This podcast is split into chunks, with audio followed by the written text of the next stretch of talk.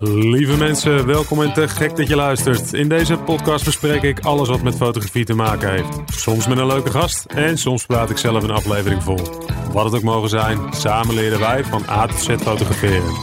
Ik ben Sjoerd en dit is de Fotografie Beginner Podcast. Dag lieve luisteraar, leuk dat je luistert naar aflevering 15 alweer van de Fotografie Beginner Podcast. Mijn naam is Sjoerd en vandaag gaan we het hebben over urbex fotografie. Misschien heb je al eens eh, eerder gehoord over deze spannende vorm van fotografie. En uh, misschien is dit wel de allereerste keer dat je de term voorbij hoort komen en uh, ben je benieuwd wat het is. Nou, in het kort, urbex is een afkorting van Urban Exploring. En vrij vertaald betekent dat zoiets als het verkennen van het stedelijke. Tijdens urbex fotografie ga je op pad met je camera om verlaten en vervallen gebouwen te ontdekken en te fotograferen. Dat is eigenlijk een beetje het idee van urbex fotografie. Nou, wat kun je in deze aflevering allemaal verwachten? We gaan het hebben over wat urbex fotografie eigenlijk is en uh, waarom het zo spannend en leuk is. We bekijken hoe je te werk gaat als je wilt starten met urbex fotografie. We gaan het hebben over wat ongeschreven regels van de urbex fotografie. En uh, ik benoem ook nog vijf toegankelijke locaties om je urbex avontuur mee uh, te gaan starten. Hoe je jouw foto's achteraf nog mooier maakt in de fotobewerking, daar gaan we het ook nog in het kort even over hebben. Dus zoals je hoort, een, een leuke aflevering vol met tips. Niet alleen voor de urbexers onder ons, maar uh, voor iedereen die zijn of haar fotografie uh, een boost wil geven. Dus zijn jullie er klaar voor? Dan uh, gaan we beginnen. Wat is urbex fotografie en waarom is het zo leuk? Nou, we hebben net in het kort al even besproken wat urbex fotografie is, maar laten we daar eens wat dieper op induiken.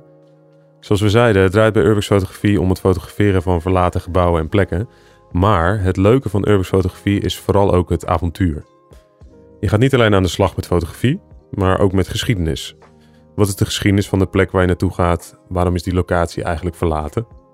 Hoe komt het dat een gebouw niet meer in gebruik is? En hoe komt het eigenlijk dat de inboedel er nog staat?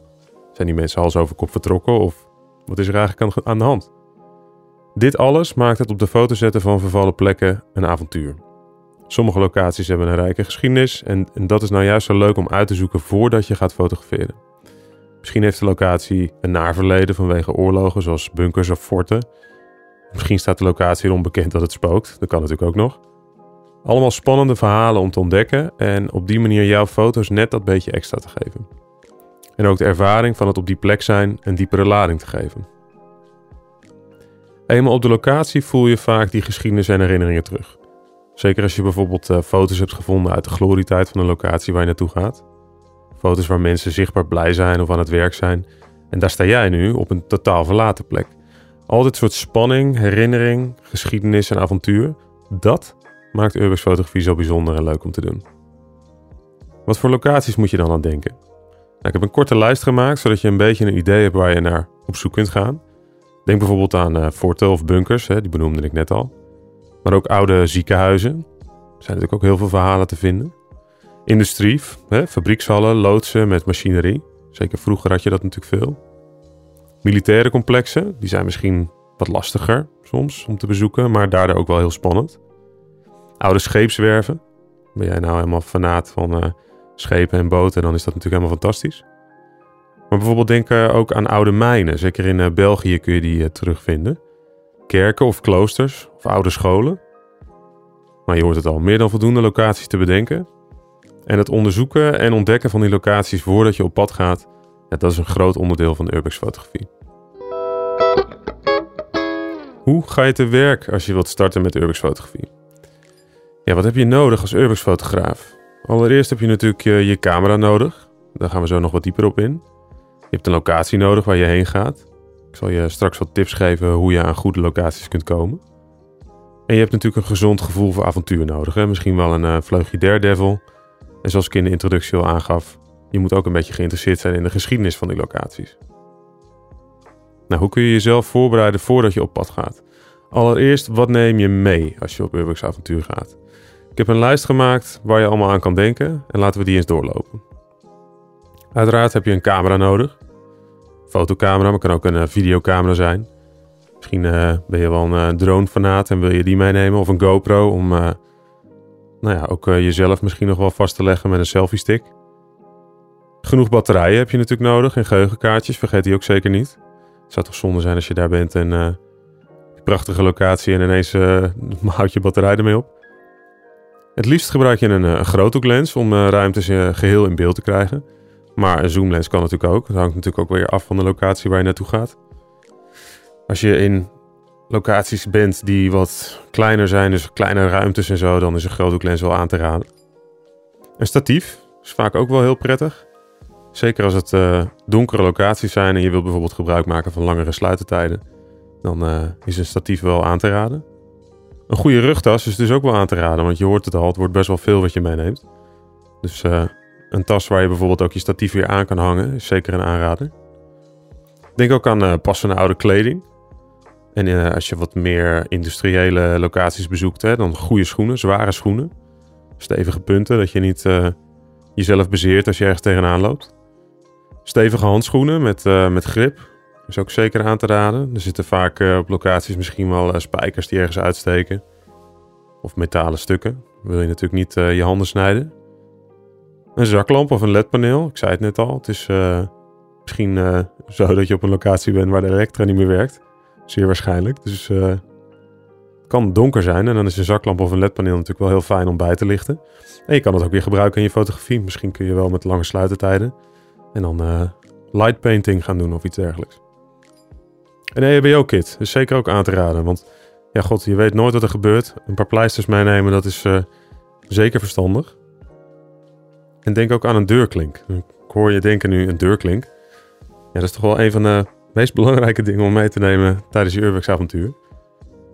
Want wat als er een deur achter je dichtvalt en de deurklink, die, heb, die is er niet, dan kom je er niet meer uit. Dus een deurklink is wel uh, als je op internet gaat zoeken naar Urbex tips, is dat wel een van de grootste tips. Een verrekijker is misschien ook wel handig. Zeker als je bijvoorbeeld uh, grotere locaties gaat bezoeken. Oude scheepswerven. Dan uh, is het wel fijn om met een verrekijker rond te kunnen kijken. Misschien ook wel rond te kijken of er beveiliging is. Daar gaan we het straks nog wat meer over hebben. Een telescoopladder, een touw, opblaasboot, lieslaarzen, dat is wel belangrijk voor lastige locaties, hè, zoals scheepswerven waar we het net over hadden. En misschien wel een slaapzak, een matje, als je echt uh, een diehard urbexer bent of wilt worden. Misschien wil je wel op een locatie blijven slapen. Nou, straks gaan we het nog wat meer over de ongeschreven regels hebben, dus dan uh, komt dit misschien ook nog wel even terug. En een van de belangrijkste dingen die je zeker niet moet vergeten, dat is eten en drinken. Nou, zoals je hoort, genoeg uh, om mee te nemen. Misschien heb je lang niet alles nodig en bedenk van tevoren dus goed wat voor locatie je eigenlijk gaat bezoeken. Want uh, dan stem je daar jouw gear op af. Locaties, hoe vind je die eigenlijk? Nou, als je dan al je gear klaar hebt liggen en je bent helemaal ready om te gaan, waar ga je dan eigenlijk naartoe? Misschien heb je alle locaties op het oog, maar zo niet, hoe vind je die locaties dan? Om je goed op weg te helpen heb ik een aantal tips voor je, zodat je gericht aan je speurtocht kunt beginnen. Op zoek naar interessante en spannende locaties. Nou, tip 1. Word lid van fora. Vaak worden locaties niet zomaar prijsgegeven. Het idee is dat de locaties beschermd moeten worden. Er is helaas veel vandalisme tegenwoordig en het is zonde als al die mooie plekken verloren gaan ja, door een paar idioten. Dus daarom delen mensen niet zomaar alle locaties en worden ze meestal privé uitgewisseld met elkaar. Het is een beetje een soort ruilhandel dus. Jij een locatie voor mij en ik eentje voor jou. En je kent elkaar, dus dan vertrouw je elkaar ook dat hè, die persoon niet uh, een vandaal is. En door lid te worden van fotografie, fora of groepen kun je in contact komen met mensen die dezelfde hobby beoefenen. En dus kun je samen topplekken met elkaar uitwisselen. Denk ook even aan de Facebookgroep van uh, Fotografiebeginner. Daar zitten zeker ook een hoop Urbex fans, dus uh, word daar nog even lid van als je daar nog geen lid van bent. En wie weet kun je daar ook wel een maatje vinden om samen een Urbex avontuur mee te gaan beleven. Tip nummer 2. Gebruik Google Search en Google Maps. Heel veel mooie locaties kun je vinden door gewoon lekker de kaart af te struinen. Doordat je met Google Maps van bovenaf naar gebieden kunt kijken, kun je soms een, eh, een goede inschatting maken of plekken verlaten zijn. Is het vervallen of bijvoorbeeld uh, helemaal overwoekerd door natuur? En de handigheid is dat je zo van achter je computer eens rond kunt snuffelen of er in jouw buurt locaties zijn die de moeite van het bezoeken waard zijn. Nou, Google Search is uh, perfect om de wat bekendere locaties te vinden. Je kunt bijvoorbeeld zoeken naar de termen urbex locaties of verlaten gebouwen in Nederland of België. Je kunt zoeken naar urbex kaart. En je zult zien dat er veel sites zijn die een overzichtje hebben met verschillende bekendere locaties. Niet altijd vind je de exacte coördinaten erbij, om de redenen die ik net al gaf. Maar door weer gebruik te maken van Google Search en Google Maps kun je vaak best wel een eind komen. En zo kun je uh, zoeken naar de naam van de locatie. En kijken welke pagina's je allemaal tegenkomt. En dan van daaruit weer verder zoeken. Je bent een soort Indiana Jones op zoek naar je volgende avontuur, zullen we maar zeggen. En het voordeel van het vinden van in ieder geval de namen van locaties is dat je met die namen weer een forum of Facebookgroep kunt bezoeken. Om gerichter met mensen coördinaten van locaties uit te wisselen. Want ja, je weet nu waar je naar moet vragen. Nou, zoals je hoort, genoeg opties om uh, in ieder geval een start te maken met het vinden van leuke locaties. Dus dan gaan we nu verder met wat zijn de ongeschreven regels van urbex fotografie. Voordat je op pad gaat, is belangrijk om te weten dat er wat ongeschreven regels zijn. Deze regels die zijn bedoeld om jou als fotograaf en ook de locaties te beschermen. Uiteindelijk is niet de bedoeling dat er vandalisme optreedt, hadden we het net al over. Maar het is ook niet de bedoeling dat jij ergens door een vloer heen zakt.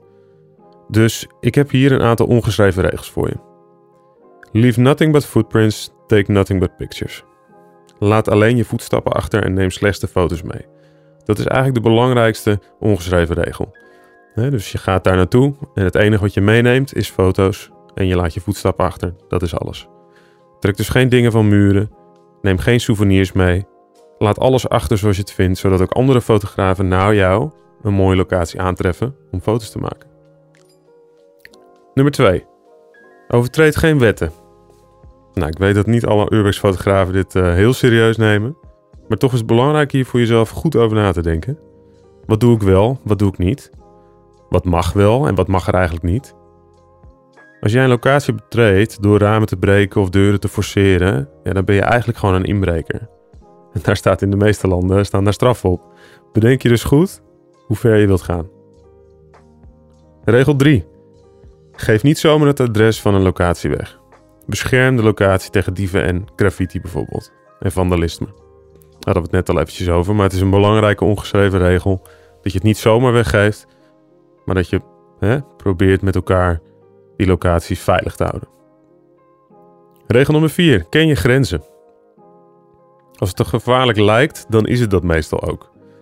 Een houten vloer in een verlaten pand, hoe sterk is dat nog? Hoe stevig is het plafond eigenlijk en kan het omlaag vallen als ik daar loop? Het zijn allemaal vragen om van je, jezelf van tevoren mee bezig te houden. Weet hoe ver je wilt gaan en hoeveel risico's je neemt. Regel nummer 5. Loop niet alleen, zorg ervoor dat je minimaal met z'n tweeën bent. Allereerst is het een stuk gezelliger, maar stel er gebeurt wat, dan is het fijn dat er iemand bij je is om je te helpen. Laat ook vrienden of familie weten waar je bent als je een uh, uitdagende locatie gaat bezoeken. Regel nummer 6. Kijk uit voor bewakers en honden. Is er bewaking met honden, dan moet je heel goed weten wat je aan het doen bent. Die bewaking loopt daar natuurlijk niet zomaar. Weet dus wat je riskeert voordat je een dergelijke locatie gaat betreden.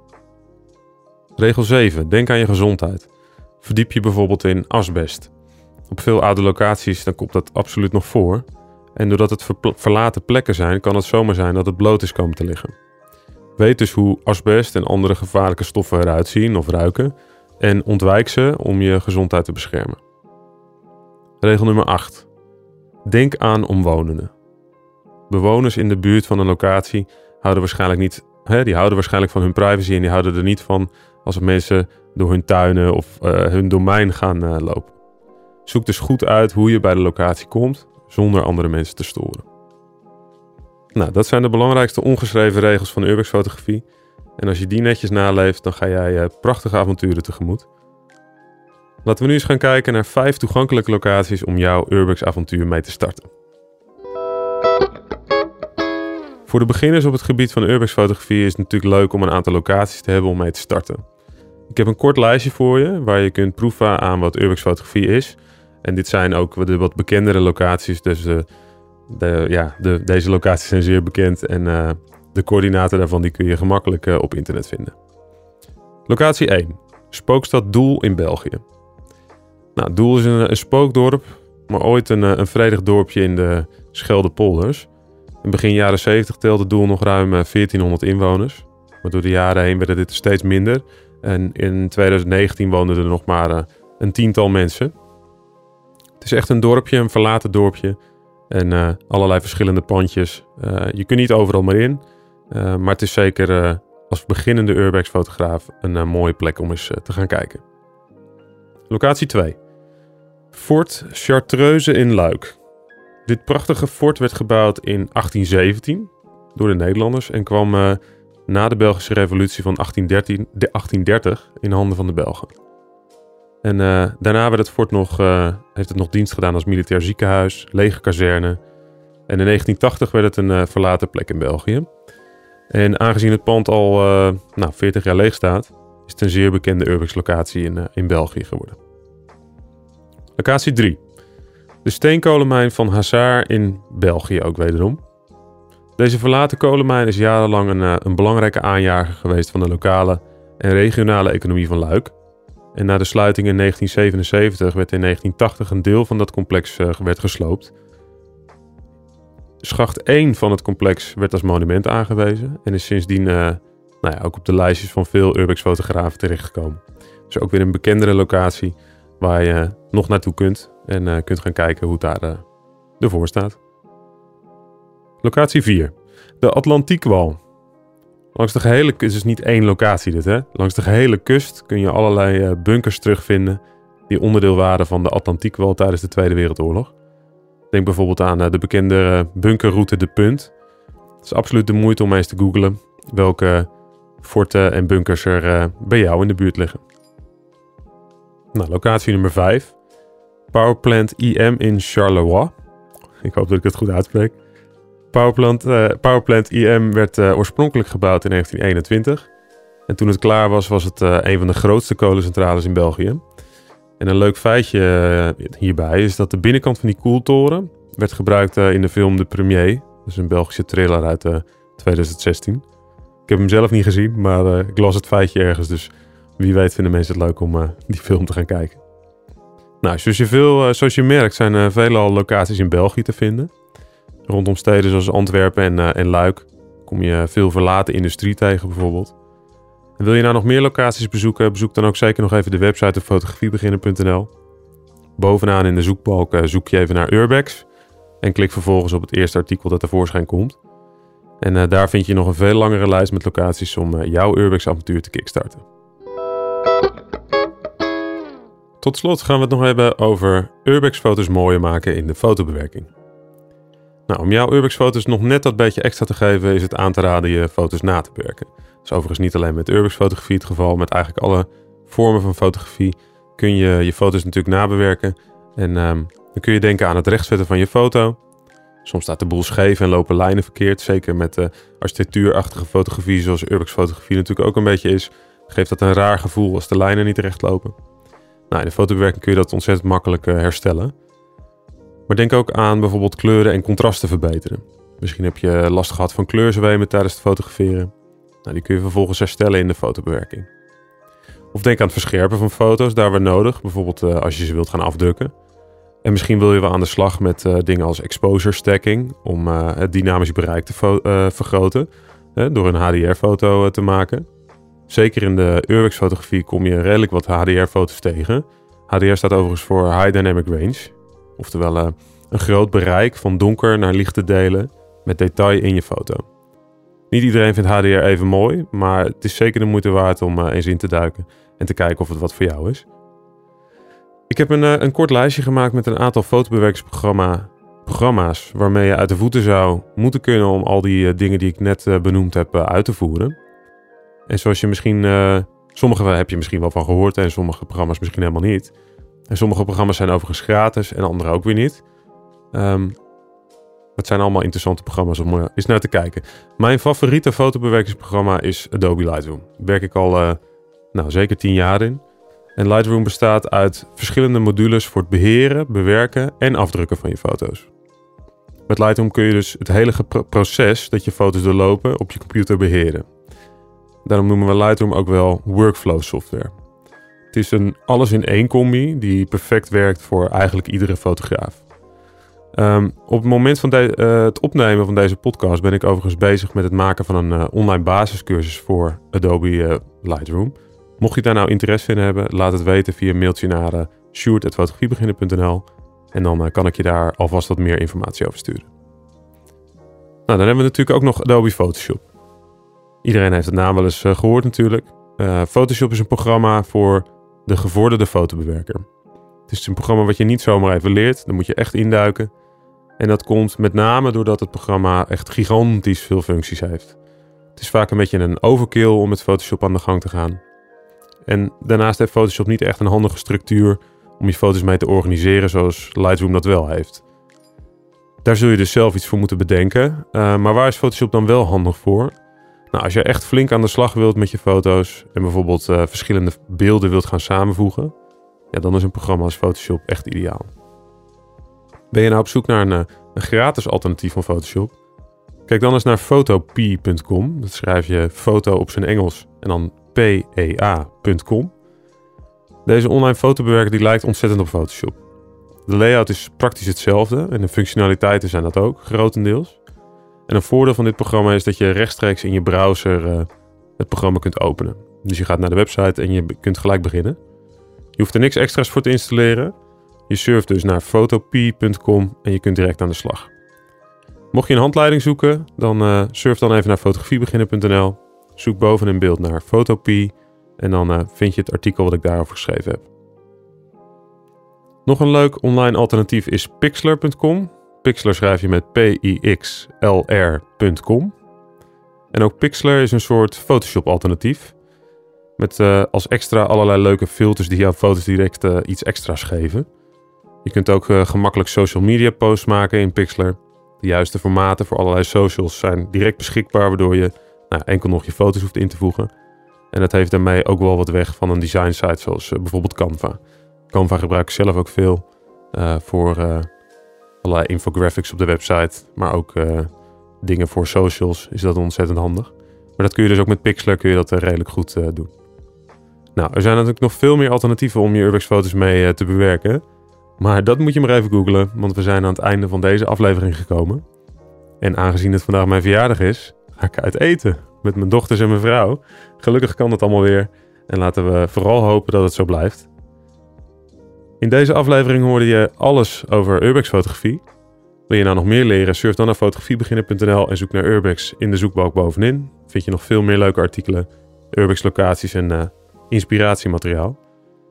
Heb je nog feedback over deze aflevering of leuke tips? Laat het zeker ook even weten. Ik hoor de laatste tijd van uh, steeds meer mensen dat ze graag naar de podcast luisteren. Ontzettend leuk om te horen, dus uh, dank daarvoor. In de volgende aflevering van de podcast spreek ik 30 minuten met de fotografe Amanda Drost. Absoluut de moeite van het luisteren waard, dus uh, stay tuned. Ik wil je een hele fijne dag wensen en tot in de volgende aflevering. Mijn naam is Stuart en dit was de Fotografie Beginner podcast.